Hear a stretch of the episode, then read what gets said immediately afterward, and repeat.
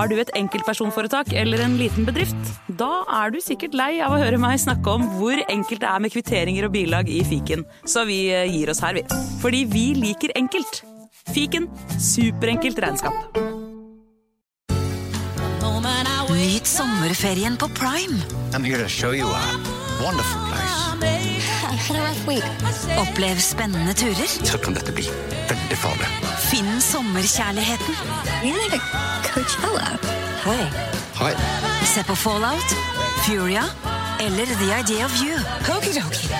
Og gjør deg klar for en sommer full av eventyr. Bare på Prime. Krever abonnement på Prime Video. Velkommen til Kjemperådet! Hey! Vi har fått inn et kjempenytt problem fra en mor. Jeg leser. Hei, jeg har en datter på 11 år som vurderer å slutte med orientering. Hun elsker jo å løpe, men finner aldri veien. Og jeg må sitte så lenge i bilen og vente. tricky. Ja, men ja dette her har jeg opplevd selv, faktisk. Og løsningen for meg ble da Maps på mobilen. Ja, hun er jo under 13 år. og Da får hun 5 gigabyte data for bare 149 kroner med Telenor. Oi. Hun bør jo sjekke ut nye mobilabonnement på telenor.no, da. Yes! Advarsel. I denne podkasten vil du høre historier basert på informasjon programlederne har funnet selv. Programlederne står ikke nødvendigvis inne for meninger og syn som fremstilles. Noen påstander kan avvike fra virkeligheten.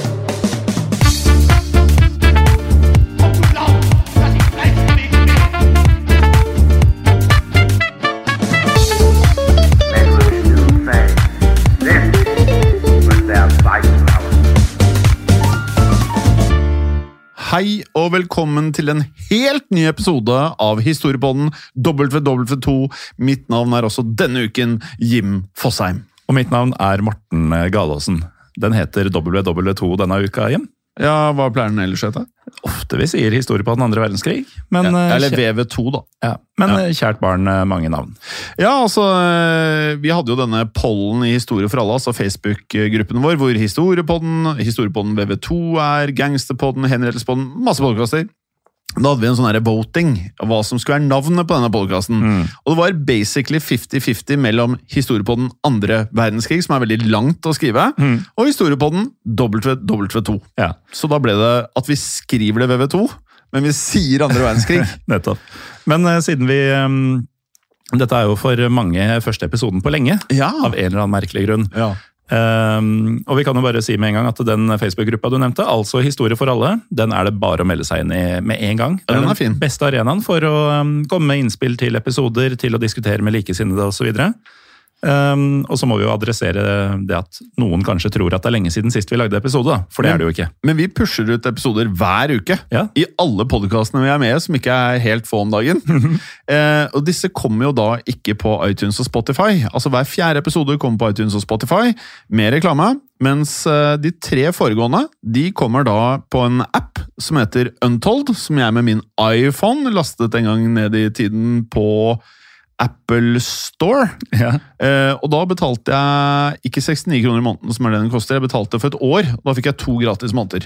Stemmer. Og jeg gjorde jo det samme, bare at jeg bruker Android, Ja. og dermed gjorde det i Google Play Store. Og så finnes det et tredje alternativ. Ja, da kan du være en av de som skriver www.untold.app i browser. Jeg tror det er www. Hva sa jeg? WW2. Ja, så det du er i riktig modus for, eh, for innspilling? www.untold.app. Yes. Det var riktig. Der er vi. Ja, så en- de W-ene, ikke sant? Um, og da går du inn her, og så kan du da, hvis du ikke har testet Untold tidligere, så kan du få, i hvert fall få første måneden gratis. Mm. Uh, eller så kan du kjøre på månedlig basis, eller helårsabonnement, helårsabonnement, kan man kalle det. Ja, Ja, og det er jo det mest gunstige. Hvis du har tenkt å bli uansett, eh, så får du mer for penga. Ja, og jeg er jo med i en annen podkast eh, som er det mørkeste jeg noen gang har spilt inn, som heter Synderne. Ja. Som jeg har sammen med Pernille fra True Crime-poden. ja. Og, og Synderne den er ikke engang, hvis jeg har forstått det riktig, hver fjerde episode oppe i det frie. frie. Den er bare på en tolv? Ja, Bare en tolv. Og ja, Og det er jo også er noen serier som vi har lagd eh, frittstående, f.eks. Ukrainas turbulente historie. og det er jo turbulent om dagen der, eh, akkurat som historien har vært lenge for eh, Ukraina. Ja, I godt over 1000 år, egentlig. Og vi må jo si at det er et folk med tak i. Det er det. Kan ikke si annet. Ålreit. Eh, siste. Vi, mange av de beste episodene vi noen har laget av noen podkast, eh, eller alle podkastene, er faktisk et resultat av deres forslag. Dere som hører på. Eh, og ikke noe forslag er for dumt, så send det gjerne inn enten som DM på eh, Historiepodden eh, Norge sin eh, Instagram-konto, eller Facebook-konto, eller i gruppen Historie for alle. Ja, Og Facebook- og Instagram-sidene eller kontoene, det er da Historiepodden Norge i ett ord. Ja, Begge det, steder. Ja, det er helt riktig, det, altså. Eh, nå, Morten. Mm. Vi skal i dag eh, Vi liker jo ting fra Norge. Ja. Vi kan ikke si noe annet. Nei, vi kan jo ikke det. Nei, vi kan ikke det, det. det er jo alltid interessant, og ofte når vi prater om nordmenn i denne podkasten, så er det jo mm, av, eh, med positive ordelag. Ja. Eh, Men i dag er det ikke nødvendigvis det, men det er likevel eh, norsk, da. Ja, og han er ikke alene om å være på eh, feil side i løpet av krigen. Mm. vi skal i dag eh, rette blikket mot en norsk forretningsmann. Og denne forretningsmannen han var svært begeistra for å gjøre forretningene sine med diktatorer. Han var glad i penger. Han var glad i penger, og han ble derfor en viktig forretningspartner for den eh, spanske fascistdiktatoren eh, Francisco Franco, før han senere gjorde business med Adolf Hitler og nazistene.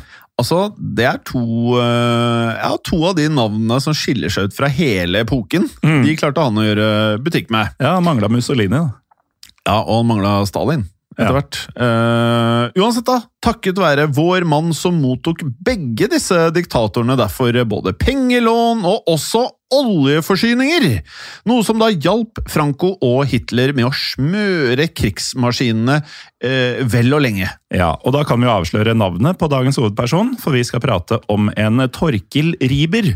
En mann som starta livet på Voss, før han eh, med årene skulle ende opp i USA. Og her ble han til slutt eh, Han ble ikke noen smågutt i forretningslivet, Jim. Nei, han, han var god på business. Han ble rett og slett direktør i oljeselskapet Texaco.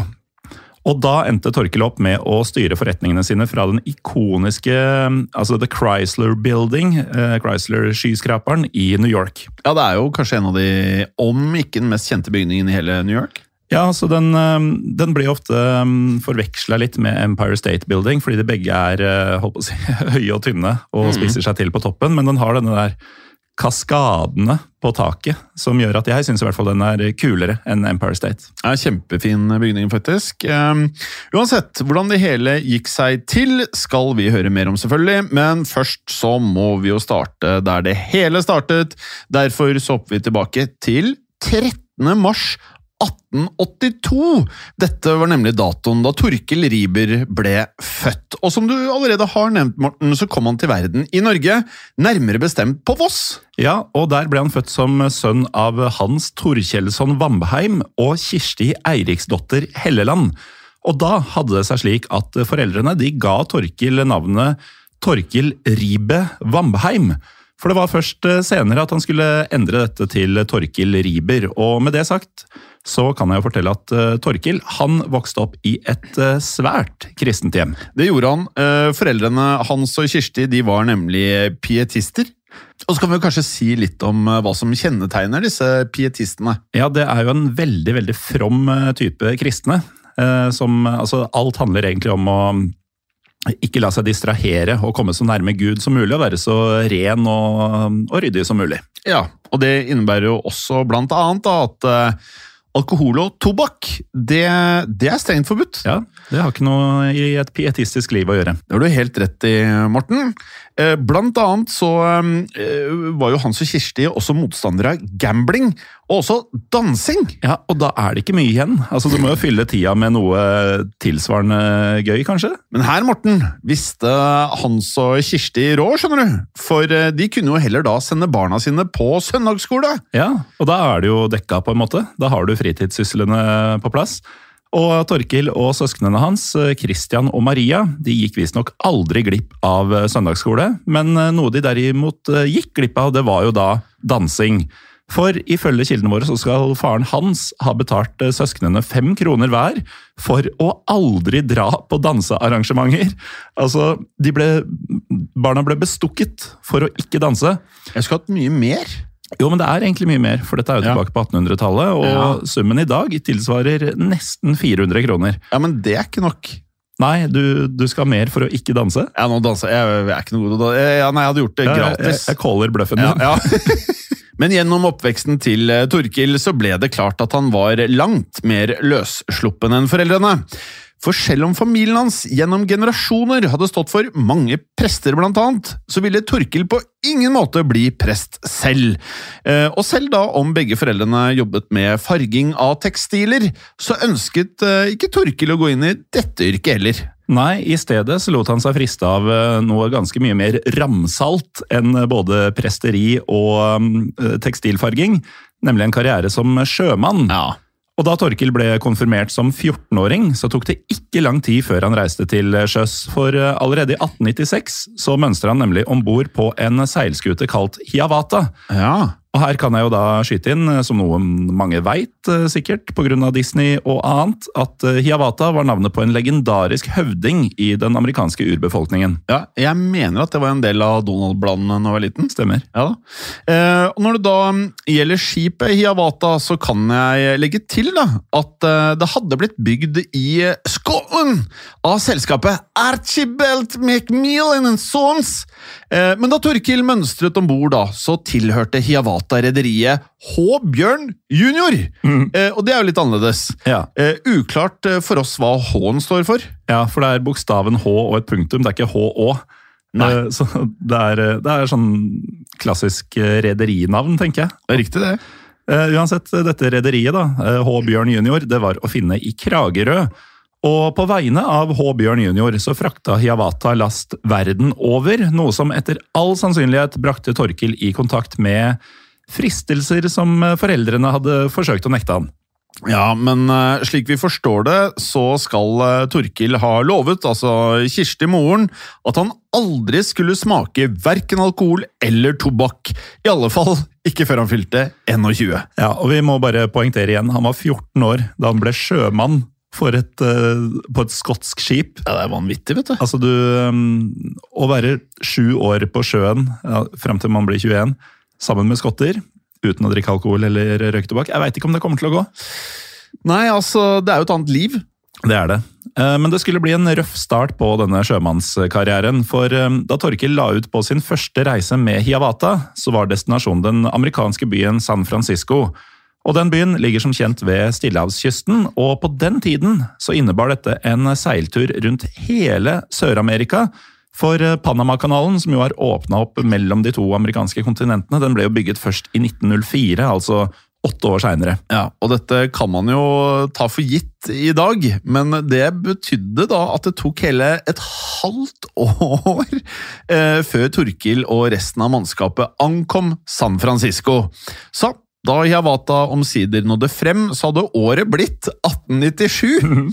Så vi eh, bikket et helt år fremover i tid. Og kildene våre de vil ha det til at eh, Torkil han eh, skal ha blitt svært begeistret for Samfran. Jeg skjønner den godt, jeg. Ja, du har vært der? Ja da. Ja, det er ikke jeg. Eh, er det et sted du anbefaler, da, tydeligvis? Ja, definitivt. Ja, bra. Eh, Masse historie, masse ikoniske bygninger. Uh, Du har denne Golden Gate Bridge, Ja, som like. alle kjenner til. Ja. Full House-husene. er der. De trenger jeg ikke å se, men Nei, ja, jeg forstår. Men som sagt så ble Torkil svært imponert av San Francisco, til tross for at han ikke kunne mer engelsk enn det lille han da hadde lært om bord på Hiawatha. Og derfor så skal Torkil ha bestemt seg for at han en dag skulle vende tilbake til USA. Men i mellomtida så gikk turen tilbake til Norge, og her gikk Torkel i gang med å ta utdanning på en sjømannsskole. Og takket være dette så fikk han seg med tiden jobb som kvartermester, som er en eh, slags offiser som forvalter materiell. Ja, og da endte Torkil opp med å jobbe i en eh, svært tvilsom del av skipsbransjen. Han begynte nemlig å jobbe på seilskip som eh, fraktet arbeidere fra India til britiske kolonier i Karibien. Og her hadde disse arbeiderne typisk inngått syv år lange kontrakter. Ja, og disse innebar at um, disse arbeiderne skulle jobbe på britiske sukkerplantasjer. Og pga. Um, elendige arbeidsforhold så har dette blitt beskrevet som en form for moderne slaveri. Likevel så hadde ikke Torkil noen skrupler med sin rolle i det hele. Det eneste han klagde på, var nemlig maten som ble servert på skipene som han tjenestegjorde på. Ja, og på sine eldre dager så hevdet han faktisk at den dårlige skipsmaten gjorde at han da sluttet å vokse, mente han. Eh, og dersom han hadde fått bedre mat, så mente Torkil at han kunne blitt i alle fall fem centimeter høyere. Altså, mm, hadde dette vært deg, da, så hadde du blitt to meter, ikke 2,05. Uh, ja. Eh, nå veit vi ikke helt hva slags eh, medisinsk grunnlag han Neida. har for å si dette. her. Neida. Og vi vet heller ikke hvor høy han faktisk var eh, på denne tiden heller. Nei, men det høres jo ut som han hadde litt komplekser eh, for det. Ja, Um, uansett, vi forstår det sånn at uh, Torkil han tilbrakte to år med å frakte arbeidere til Karibia.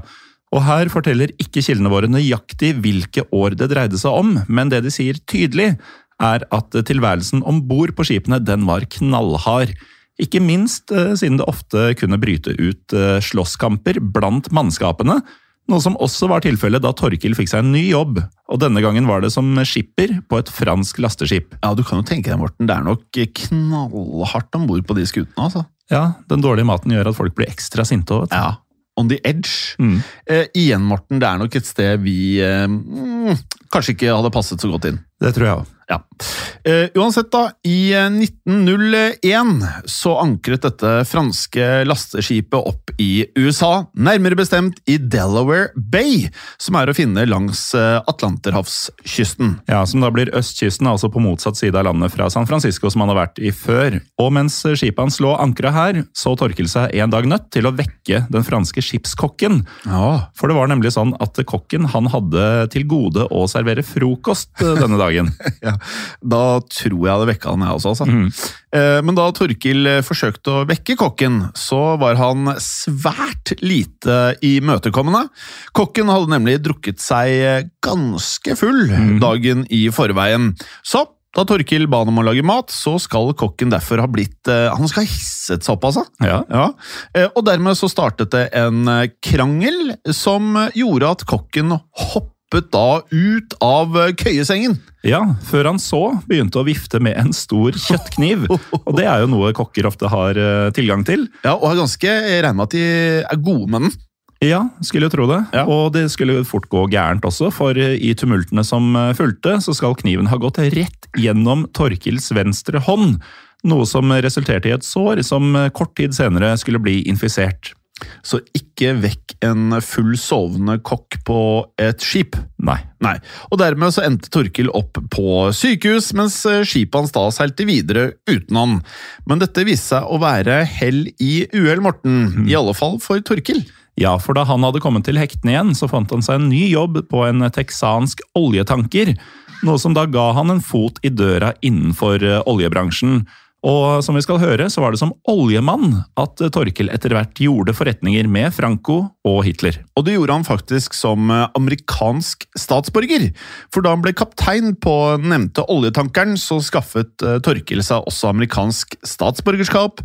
Og da han gjorde amerikaner av seg, så ble Torkel kjent blant venner under navnet Cap. Altså forkortelse for Captain. Yes, Ja. Men i 1905 så ble oljetankeren som han var, cap eh, på, kjøpt opp av selskapet Texas Oil Company. Et selskap som er bedre kjent under navnet Texaco. Og som noen lyttere kanskje vet, så mm, er dette oljeselskapet særlig kjent for sine mange bensinstasjoner. Ja, og det var eh, da han begynte å jobbe for Texaco at eh, Torkil innså at det var store, store penger å hente i oljebransjen. Så vi merker jo at han har ikke noe imot penger. Neida. han har ikke det. Og derfor så tok det heller ikke lang tid før vår mann da begynte å klatre oppover rangstigen i selskapet. Blant annet gjennom å gifte seg med Miriam Marb, en kvinne som var sekretær til Texacos administrerende direktør, Joseph Cullinan. Og bryllupet mellom Miriam og Torkil det gikk av stabelen i 1909. Ja, men i 1913 så gjorde en uenighet med andre direktører at eh, Joseph Cullinan bestemte seg for å starte et nytt oljeselskap. Og dette selskapet fikk navnet American Republics Corporation. Og da første verdenskrig tok slutt i 1918, så bestemte Torkil seg for å begynne å jobbe for nettopp dette selskapet.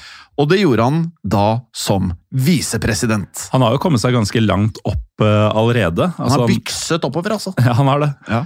Um, og han skulle forbli visepresident i American Republics Corporation helt fram til 1927. Men uh, i løpet av dette året så fikk han et tilbud om å vende tilbake til Texaco, og det var et tilbud som uh, Torkil takka ja til. Ja, og Han var jo nå visepresident uh, før han gikk til Texaco, og når han fikk muligheten til å gå tilbake til Texaco, så ble han igjen visepresident bare da i et langt større selskap. Og da fikk han ansvaret for å ta seg av selskapets eksport og sjøfrakt, noe Torkil tilsynelatende gjorde på svært imponerende vis. Bare hør på denne beskrivelsen. He acquired a fleet of new tankers and opened up markets around the world for Texaco. Og takket være dette så nådde Torkils karriere snart nye høyder, for i 1935 så ble han utnevnt til Texacos nye styreformann. Og det var ikke småtteri, Jim. For på 1930-tallet så var nemlig Texaco USAs fjerde største oljeselskap, eh, etter da, for spesielt interesserte, Standard Oil of New Jersey, Socony Vacuum og Standard Oil of Indiana. Og jeg må jo innrømme at Texaco var det eneste av disse fire som jeg hadde hørt om før. Standard Oil har jeg hørt om, faktisk. Men uh, uansett, da, selv om Texaco ikke var den aller største av disse selskapene, så hadde det skaffet seg et rykte som av alle ting det mest aggressive! Det mest aggressive oljeselskapet i USA. Ja, og det sier jo ikke rent lite, tror jeg. Nei. Eh, noe som i sin tid hadde kommet til uttrykk gjennom den opprinnelige eieren Joseph Cullinan. Ja, for han skal på et tidspunkt ha flagga over kontorbygget sitt med et dødninghodeflagg. Det er så ekstremt å gjøre. Ja, det er um, piratvirksomhet, Altså, liksom. du pumper olje, du er kjent som det mest aggressive, og så kjører du dødningshodeflagg. Ja, og dette flagget det illustrerte da på mange måter holdninga som Texaco hadde til konkurrerende selskap. For um, idet Texaco ekspanderte, så gjorde man det gjerne med meget spisse albuer mot eh, konkurrentene. Og dette gjorde at en ikke navngitt ansatt i eh, det rivaliserende selskapet Shell angivelig uttalte følgende Hvis jeg var i ferd med å dø på en Texaco bensinstasjon, ville jeg bedt om å bli dratt over på den andre siden av veien. Men eh, for sin egen del så felte Torkil ingen tårer for at han skaffa seg fiender.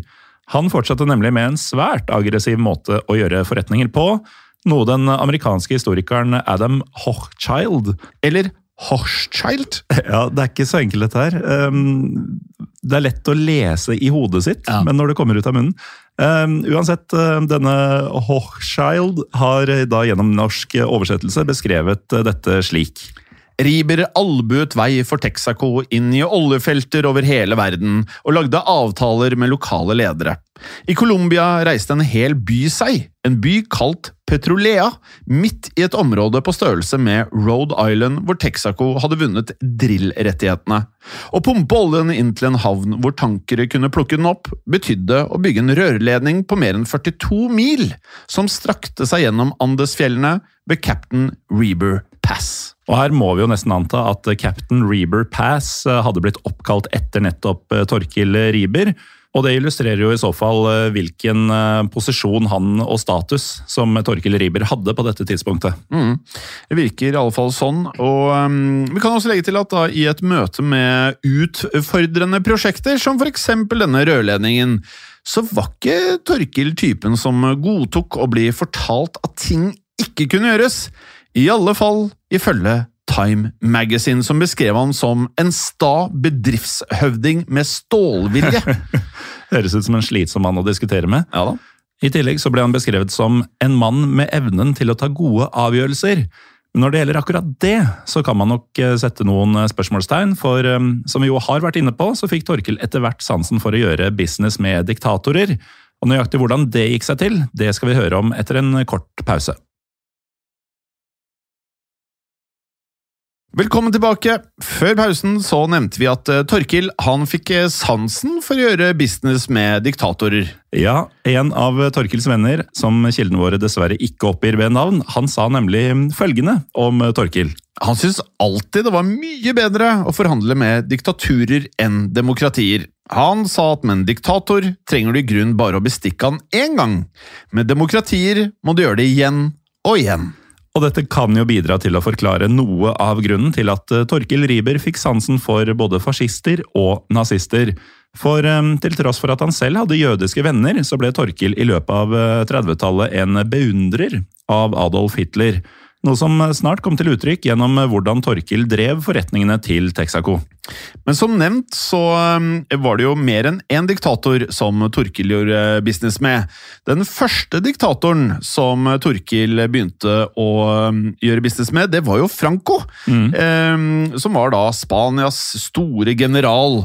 For i 1935 så hadde Texaco inngått en kontrakt med den spanske staten, og nettopp denne kontrakten gjorde Texaco til Spanias hovedleverandør av olje. Men året etter, altså i 1936, så brøt det ut kaos i Spania. For um, dette året forsøkte nemlig spanske nasjonalister, ledet da av Francisco Franco, å styrte den folkevalgte republikanske regjeringa. Noe som resulterte i en blodig borgerkrig mellom disse nasjonalistene og republikanerne. Og da bestemte Torkel seg for at uh, han stilte seg på siden til Francos nasjonalister. Ja, om han gjorde, hør bare på dette. Riber visste at militære kjøretøy, tanks og fly ikke bare trengte drivstoff, men en hel rekke motoroljer og andre oljeprodukter. Texaco-direktøren beordret raskt en forsyning ved den franske havna i Bordeaux til å lastes over i en av selskapets tankere og sendes til nasjonalistene. Dette var en gest Franco aldri skulle glemme. Og noe Franco heller ikke skulle glemme, var at eh, Torkil ikke krevde umiddelbar betaling for oljeleveransene. For eh, ettersom Francos nasjonalister satt på lite penger, så sendte Torkil et telegram med følgende beskjed. Ikke tenk på betaling. Ja, og det kan jeg jo forstå er populært for den som tar imot produktet. Og det sikret at han snart fikk en personlig invitasjon til Francos hovedkvarter i byen Burgos. Og da Torkil ankom dette hovedkvarteret, så lovet han nasjonalistene all oljen de måtte trenge, og på toppen av dette så gikk han med på å kutte Texacos oljeleveranser til den folkevalgte spanske regjeringen. Og dette bidro jo til at Francos styrker fikk en betydelig fordel i den spanske borgerkrigen. Likevel så var det få stemmer i den internasjonale pressen som stilte spørsmål rundt hvor Francos oljeforsyninger kom fra.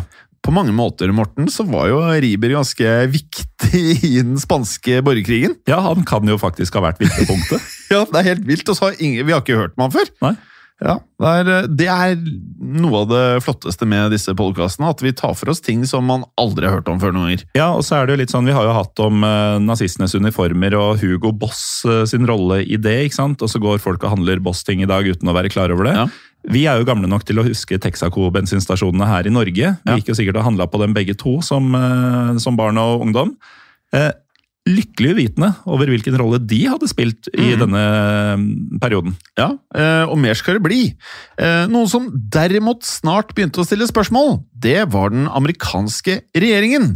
For det hadde seg nemlig slik at USA var jo formelt på denne tiden nøytral i den spanske borgerkrigen, og på grunn av dette så var det ifølge amerikansk lov ulovlig for Texaco å forsyne Franco med olje. Som om det ikke var nok, da, Morten, så var det også ulovlig å gi pengelån til et land i krig. Noe som Torkil nettopp hadde gjort eh, da han utsatte betalingene fra Franco og nasjonalistene. Men når det gjaldt disse eh, faktiske lovbruddene, da, så visste Torkil nøyaktig hva han drev med. For bare hør på denne beskrivelsen av hvordan oljetankerne til Texaco holdt på. De forlot selskapets terminal Port Arthur i Texas med varedeklarasjoner som oppga destinasjonen deres som Antwerpen, Rotterdam eller Amsterdam. Ute i åpent hav ville kapteinene åpne forseglede ordre, som omdirigerte dem til havner i det nasjonalistiske Spania. Ja, Men eh, det var mer, skjønner du, Morten. For bak ryggen på amerikanske myndigheter så kjøpte Torkil også inn ekstra forsyninger til Franco.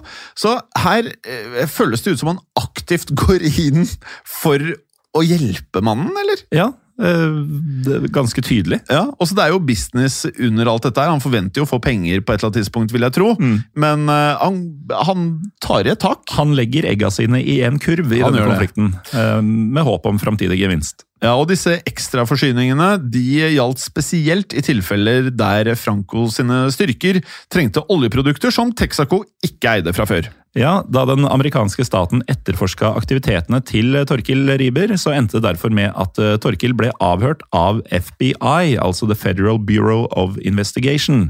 Men øh, han slapp relativt billig unna Torkil, for øh, siden USAs president Franklin D. Roosevelt for enhver pris ville unngå å blir dratt inn i den spanske borgerkrigen, så mottok eh, Texaco rett og slett eh, bare en bot. Ja. Og når du tjener ekstreme mengder med penger, så kan det jo godt tenkes at en slik bot ikke er spesielt eh, vanskelig å betale, og det var det ikke for Texaco.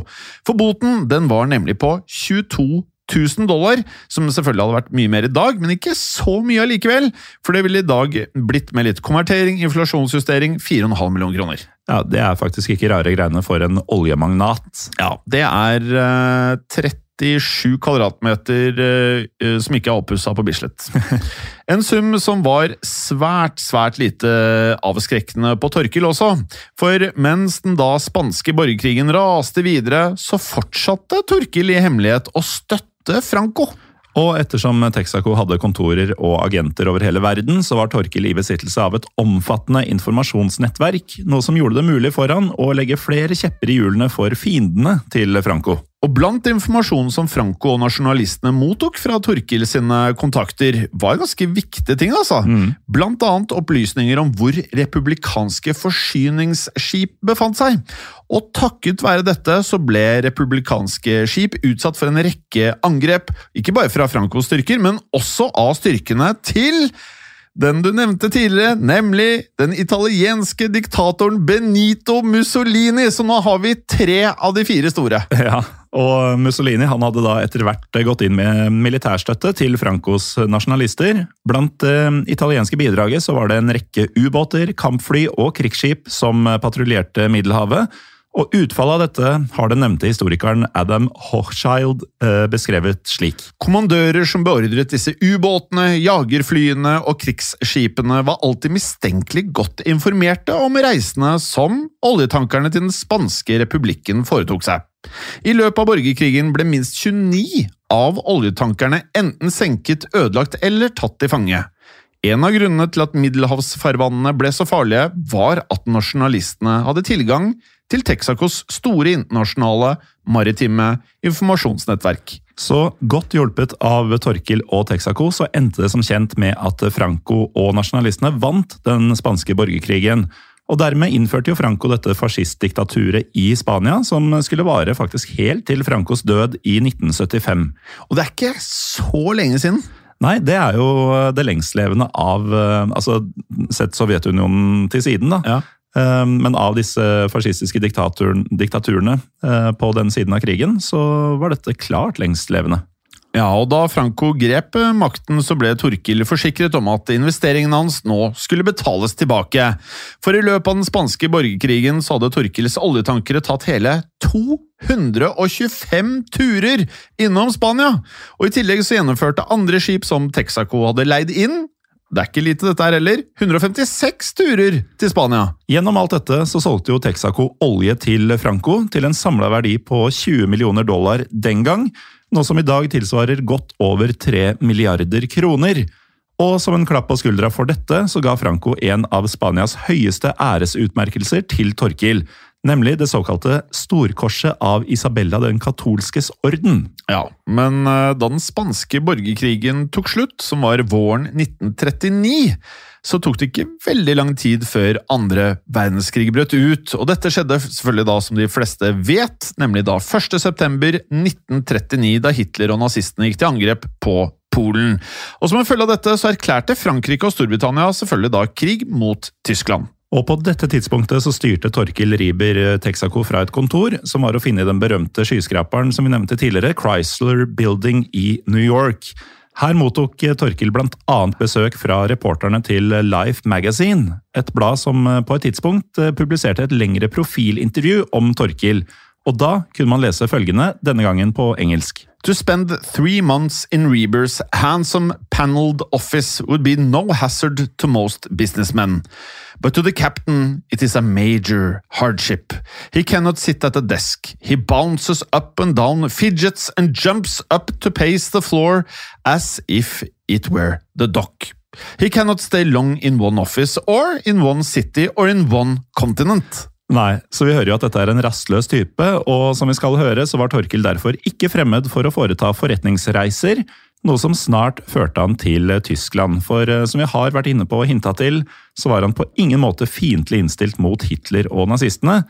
Tvert imot så beskrev en tysk etterretningsrapport Torkils holdning slik. Absolutt deutschfreundlich. Ein aufrichtiger bewunderer des Führers. Ja, Som på norsk betyr fullstendig tyskvennlig. En oppriktig beundrer av føreren. Ja, Torkils forhold til Hitler og nazistene har også blitt oppsummert på følgende måte. Riber vitset tidvis med venner om at han syntes førerens antisemittisme var en smule overdrevet, men at han var akkurat den typen sterke, antikommunistiske lederen man kunne gjøre forretninger med, noe Riber gjorde med glede. Han solgte Texac-olje til nazistene og bestilte oljetankere fra Hamburg. Og I tillegg så reiste da Torkil snart til Tyskland selv. Turen fant sted i desember 1939, så krigen er altså i gang. Og Formålet med turen var å besøke nazistenes viktigste industriområder. Og Da Torkil gjorde dette, så var guiden hans ingen ringere enn sjefen for det tyske flyvåpenet, altså Luftwaffe, nemlig Herman Gøring. Åh, som da fløy sammen med Torkil for å besøke forskjellige fabrikker. Og som ikke det var nok, Morten, så var det slik at når denne rundturen som han hadde sammen med Gøring var vel overstått, så tilbrakte Torkil en hel uke på Göring sitt landsted like ved Berlin, som da het Karrenhall. Ja, og dette betyr jo da at ikke bare er Torkil Riber på dette tidspunktet en gammel venn av Franco, men han henger rett og slett med Göring på fritida Ja. si. Altså, ha, eh, Göring er jo på mange måter nummer to blant nazistene bak eh, Hitler eh, i store deler av krigen. Ja, det var jo en uh, rankingliste som skulle endres Ja. uh, mye i Ja. løpet av de årene. Så det var jo Hess var nummer to, Bormann var nummer to, men det er ingen tvil om at han var en toppnazist. Definitivt. Um, og vi kan jo legge til at uh, Karen Hall, det var jo nettopp her, hvis dere ser Band of Brothers, og dere ser når de allierte bare flesker seg i kjelleren til uh, Göring, det er nettopp her. Uh, for her samla Göring stjålne kunstskatter fra hele Europa. Ja, og da han hadde Torkil som gjest, så skal Göring ha overlevert en beskjed fra Hitler. Hitler ønska nemlig å bruke Torkil til å videreformidle et forslag til USAs president eh, Roosevelt. Det her er ganske vanvittig. Det er det. Altså, dette er en person folk burde ha hørt om. Vi, bare for, at, eh, for dette har folk glemt nå, eh, siden det har skjedd så mye. Dette er en fyr som vokste opp uh, i Voss, uh, i et meget strengt kristent hjem, Ja. og dro til sjøs som 14-åring.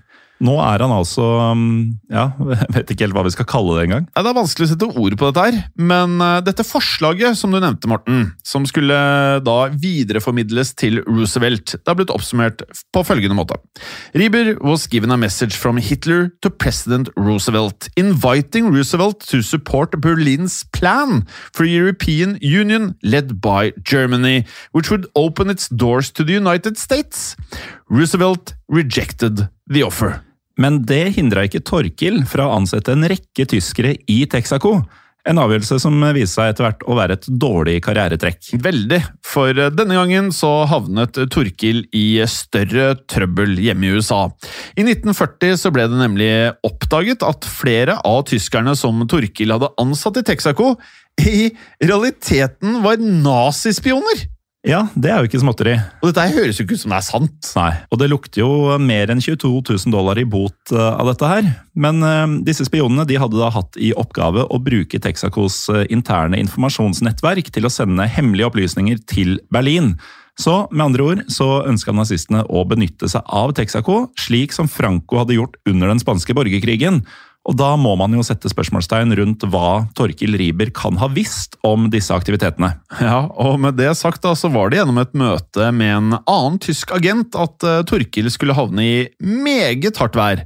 For da Torkil hadde et møte på kontoret sitt med en tysk agent ved navn Gerhard Aloy Westrik, så ble det hele plukket opp av uh, britisk etterretning. Ja, og idet britene lekka nyheten om dette møtet til den amerikanske pressen, så ble resultatet en offentlig skandale i USA. Og gjennom denne skandalen så fikk Torkel Riber, eh, The Captain, et rykte som nazisympatisør. Og det, eh, kanskje ikke overraskende, viste seg å være dårlig PR. Definitivt. Faktisk da i så stor grad at saken begynte å true oljesalgene til Texaco, og dermed så ble Torkil innkalt til et eh, møte med styret i selskapet.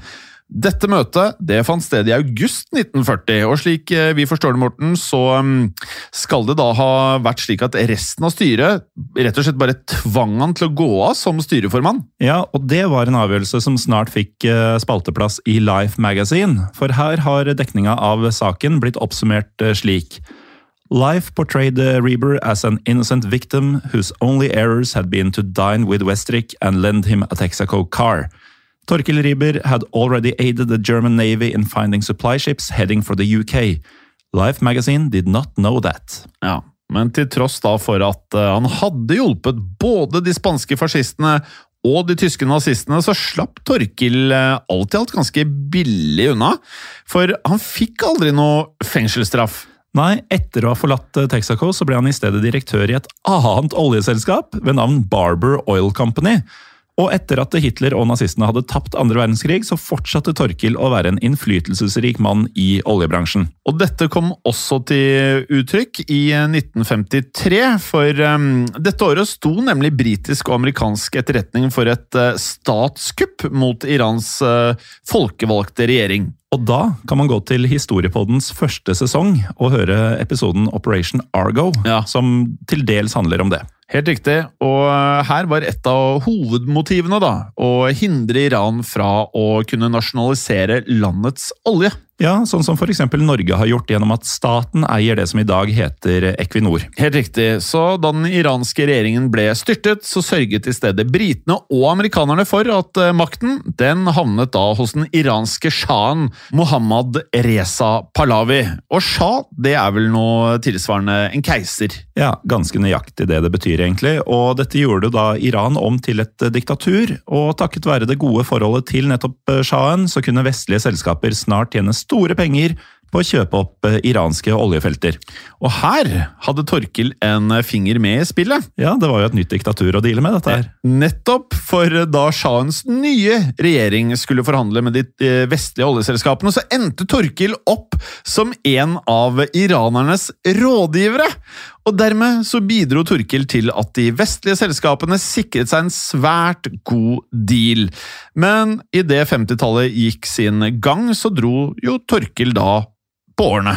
Ja, for i 1953 så hadde han rukket å bli 71 år gammel, men eh, de neste årene så fortsatte han likevel som innehaver av en rekke godt betalte direktørstillinger, både i oljeindustrien og i hans tidligere mm, virke, altså innen skipsbygging. Derfor så avsluttet Torkil Ribe Vambheim, bedre kjent som Torkil Riber, livet sitt som en meget velstående mann. Ja, og um, det er jo ikke til å stikke under en stol her at han, han slapp billig unna fra mye. Altså Det var denne ene bota som Texaco fikk, som var småpenger for dem. Ja. Og så måtte han fratre sin stilling etter å ha deala med nazistene. Det var alle konsekvensene han måtte uh, Det virker, utsettes for. virker veldig billig, ja. Ehm, han døde omsider 10.8.1968, og da rakk han å bli en gammel mann, nemlig 86 år. Uh, vi forstår det som at han da døde på Manhattan i New York. Ja, og da er det i så fall ikke langt unna det gamle kontoret i Chrysler Building, der han som Texaco-direktør hadde sørget for å hjelpe både Francisco Franco og Adolf Hitler. Det der, Morten, er eh, ganske utrolig. Det er det. Og igjen, da, en ting som jeg i hvert fall har inntrykk av at altfor få vet om. Det er jo nettopp eh, disse episodene som eh, jeg kanskje syns er mest fascinerende. Ja, helt enig, og som vi nevnte innledningsvis, eh, det er jo alltid spesielt interessant når du har nordmenn og historier om norske eh, personer under andre verdenskrig, men det er nesten enda mer spennende når, når du får en sånn historie om noen som så til de grader sto på feil side, og som vi bare, vi bare snakker ikke om. Og så, Det er jo Franco Hitler vi sitter igjen med her, men Mussolini han var med i historien. Ja, og den eh, diktaturiske sjahen av Ja. Iran var med i en sein del av historien. Ja. Altså det, det er jo et mønster her. Og igjen, da, dette er en fyr som kom fra et kristent hjem på Voss. Han var en vossing. Men eh, folkens, eh, vi nevner igjen. Dere kan gå inn på Apple Store og laste ned appen Untold. Første 30 dagene er eh, gratis, så får dere testet ut innholdet og appen. Og vi kan jo nevne at det er ikke bare denne podkasten du får der inne. Du får masse annet. Alt fra True Crime-podden til vanlig historiepodden.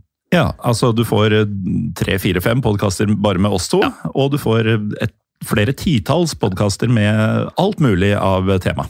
Og også podcaster som ikke er andre steder. Mm. men hvis du ikke er Apple-bruker, da, Morten?